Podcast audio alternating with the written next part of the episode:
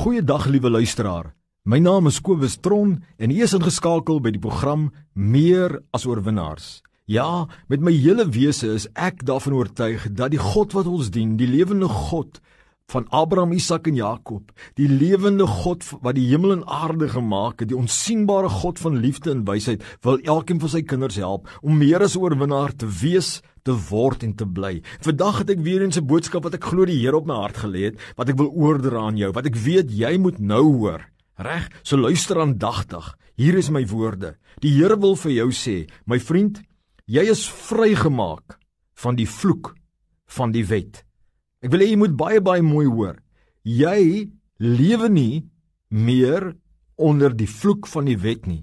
As jy kind van die Here geword het, as jy die geestelike wedergeboorte ervaar het en jy die Here Jesus aangeneem in jou hart as jou Here en jou saligmaker, dan is jy vrygemaak van die vloek van die wet. En die Here wil hê jy moet vandag dit baie duidelik weet. Jy's vrygemaak van die vloek van die wet sodat die vloek nie meer op jou kan rus nie en sodat die seën van God, die seën wat op Abraham was, ook op jou kan rus. Maar kom ons gaan kyk hoe die woord van die Here dit bevestig. En kom ons breek dit 'n bietjie oop dat jy kan verstaan en dat dit vir jou kan bemoedig en aanmoedig op hierdie pad en dat jy kan glo vir die Here vir mooi dinge en dit ook verwag in Jesus Christus. In Galasiërs 3 vanaf vers 13 en vers 14 sê hy die volgende: Christus het ons losgekoop van die vloek van die wet deur vir ons 'n vloek te word want daar is geskrywe vervloek is elkeen wat aan 'n hout hang sodat die seun van Abraham na die heidene kan kom in Christus Jesus en dat ons die belofte van die gees deur die geloof kan ontvang. Baie duidelik leer die apostel Paulus vir ons hier dat as ons in Christus is hy ons losgekoop het van die vloek van die wet want hy sê dat Jesus het die vloek geword vir ons. So alles wat die vloek behels het Jesus vir ons geword op die kruis. En toe Jesus daar gesterwe het, het hy gesterwe om vir ons los te koop van daardie vloek. Maar nie net het hy ons losgekoop van daardie vloek nie en ek gaan nou nou verduidelik wat daai vloek van die wet is. Het hy dit vir ons losgekoop daarvan sodat die seën van wat op Abraham gerus het kan rus op elkeen wat Christus aangeneem het. En luister baie mooi en sodat ons die gees van die Here in ons kan ontvang. Nou sê jy die woorde agter my aan. Ek is vrygemaak van die vloek van die wet. Kan jy dit weer sê? Ek is vrygemaak van die vloek van die wet. Ek is onder die seën van God, die seën wat op Abraham gerus het. Nou, wat behels dit as ek sê vrygemaak van die vloek van die wet? Nou ons het nie nou tyd om die hele Deuteronomium 28 te gaan lees nie, maar ek wil hê jy moet dit ek wil dit voorstel dat jy dit gaan mediteer op wanneer jy tyd alleen het met die Here. Maar duidelik spel Deuteronomium 28 in die tweede gedeelte van daardie hoofstuk die verskillende vloeke wat gerus het. Hy sê as jy deur die lyne gaan lees, sal jy sien dat een van die vloeke van die wet was siekte verskillende forme van siektes van verwoesting deur middel van siekte met ander woorde. Dan die tweede vloek van die wet wat daar uitgespel word is armoede en tekort.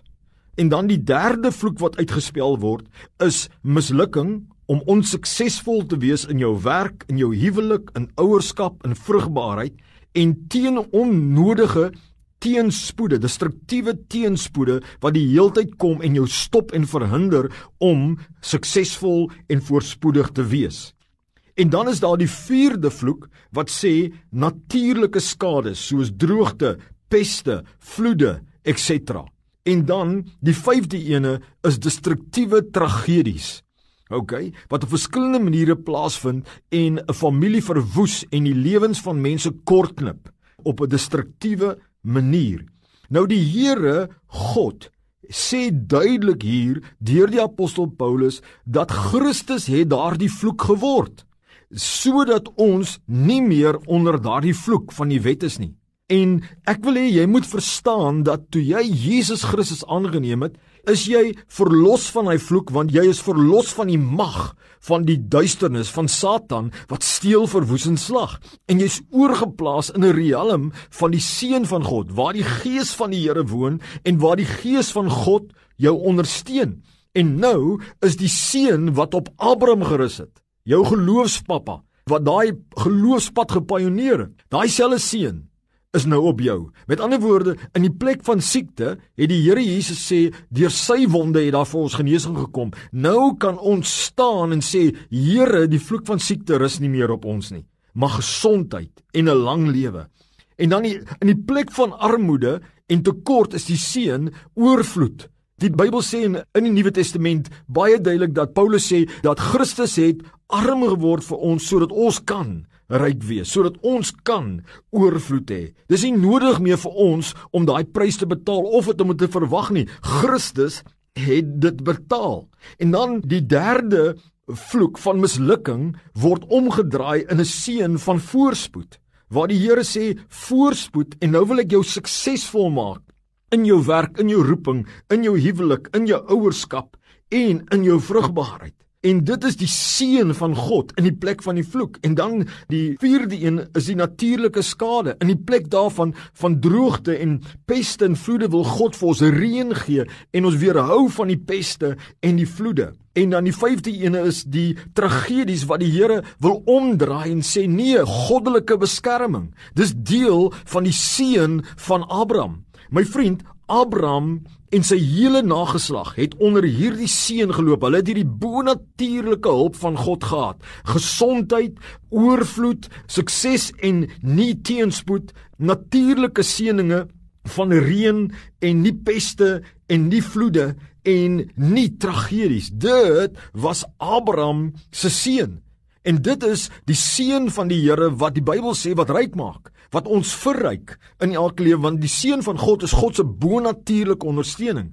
En die Here wil vandag vir jou sê, ek het gekom om jou vry te maak van die vloek van die wet. Jy hoef nie onder daardie vloek te rus nie. Jy is nie meer onder daai vloek nie. Jy's in 'n ander riem. Jy's in 'n ander sone. Jy's in die Godsone, my vriend. En die Here wil vir jou sê Johannes 10 vers 10 sê Jesus het gekom om jou lewe te gee en oorvloed. En dit beteken hierdie seëning in plek van die vloek. So ek wil hê jy moet weet, jy kan vir God vra en sê Here, kom maak my gesond. En kan die Here dit direk doen en kan die Here deur dokters doen beide, maar God is jou geneesheer. En in plaas van armoede, God wil jou uithaal en vir jou seën en vir jou 'n werk gee en vir jou inkomste gee. En God wil in die plek van mislukking vir jou sukses gee in jou werk, in jou huwelik, in ouerskap en in vrugbaarheid. Reg en jy moet die Here vertrou daarvoor. En die Here wil weerhou natuurlike skades en tragedies in jou en vir jou seën my vriend. En dit beteken nie dat as die vloek nie op jou rus is dat jy nie moeilike tye sal deurgaan. Natuurlik sal jy, maar God sal jou triomfantelik maak want hy het jou vrygemaak van die vloek van die wet sodat jy nie hoef te lewe onder daai vloek van die wet nie en gaan staan nou voor God en bid saam met my en vertrou die Here. As jy in siekte is, as jy in armoede is, as jy in eh, die heeltyd teenspoed ervaar, natuurlike skades of tragedies, kom ons bid saam. Here, Ek vra u dat u hierdie dierbare kinders van u, Here, vandag sal verlos van siekte. O Here, laat u genesende krag deur hulle kom en dat hulle herstel van armoede, gee hulle werk en voorsiening. Here, van mislukkings, gee hulle sukses. Help hulle, Here, van natuurlike skades, weerhou dit, Here. Beskerm hulle van tragedies, my God. Dis wat my bede is vir elke luisteraar vandag. Mag die bo-natuurlike krag van God nou deur hy lig gaan, deur en mag dit hulle aanraak, Here, en mag hulle belewe God is goed. God is almagtig. By God is alle dinge moontlik. Ja, Here, ons is vrygemaak van die vloek van die wet. Amen.